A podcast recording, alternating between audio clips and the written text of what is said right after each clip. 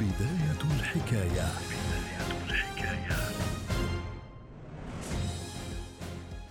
في الثاني عشر من ديسمبر عام 2019 ذهب الناخبون البريطانيون لاختيار من يمثلهم في برلمان جديد.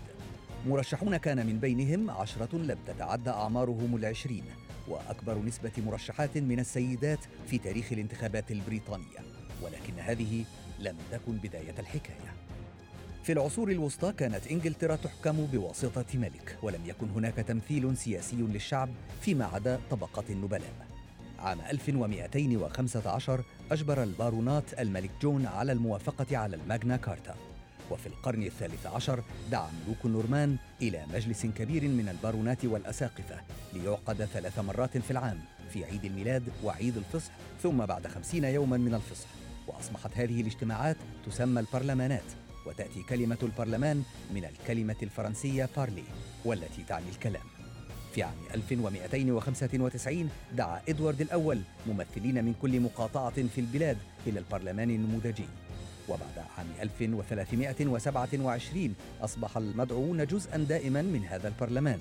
وبعد عام 1332 جلسوا للمرة الأولى في غرفة واحدة وأصبحوا يعرفون باسم مجلس العموم. أما المتحدث باسم البرلمان فقد بدأ تطبيق العمل به عام 1376 عندما انتخب البرلمان رئيسا للمطالبة بالإصلاحات. مبدأ حرية النقاش تم اعتماده عام 1407 عندما وعد هنري الرابع بعدم التدخل في مناقشات البرلمان أو فرض الضرائب دون موافقته. القوانين بدأ سنها على يد البرلمان عام 1414 بعد أن وعد هنري الخامس بعدم إصدار أي قانون جديد دون موافقة البرلمان.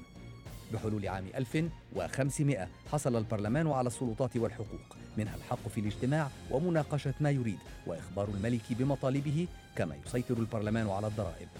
في القرن السابع عشر اندلعت الحرب بين الملك والبرلمان وانتهت بقيام تمرد عام 1688 ظل الصراع دائما ومحاولات إصلاح البرلمان والمطالبات تزداد يوما بعد يوم بضرورة مشاركة أغلب الشعب في التصويت لاختيار مرشحيهم. تحقق الأمر جزئيا عام 1832 عندما أضيف 400 ألف شخص آخر إلى التصويت. وأعطى قانون تمثيل الشعب لعام 1884 التصويت لنحو ثلثي السكان من الذكور بما في ذلك الأسر الريفية.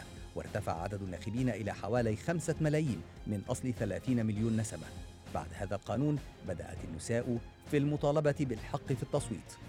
عام 1918 صدر قانون تمثيل الشعب بالتصويت للرجال فوق سن الحادي والعشرين وللنساء فوق سن الثلاثين. وعام 1928 حصلت النساء فوق سن الواحد والعشرين على نفس الحق تماشيا مع الرجال ثم تم تخفيض السن إلى 18 عاما عام 1969 بداية الحكاية.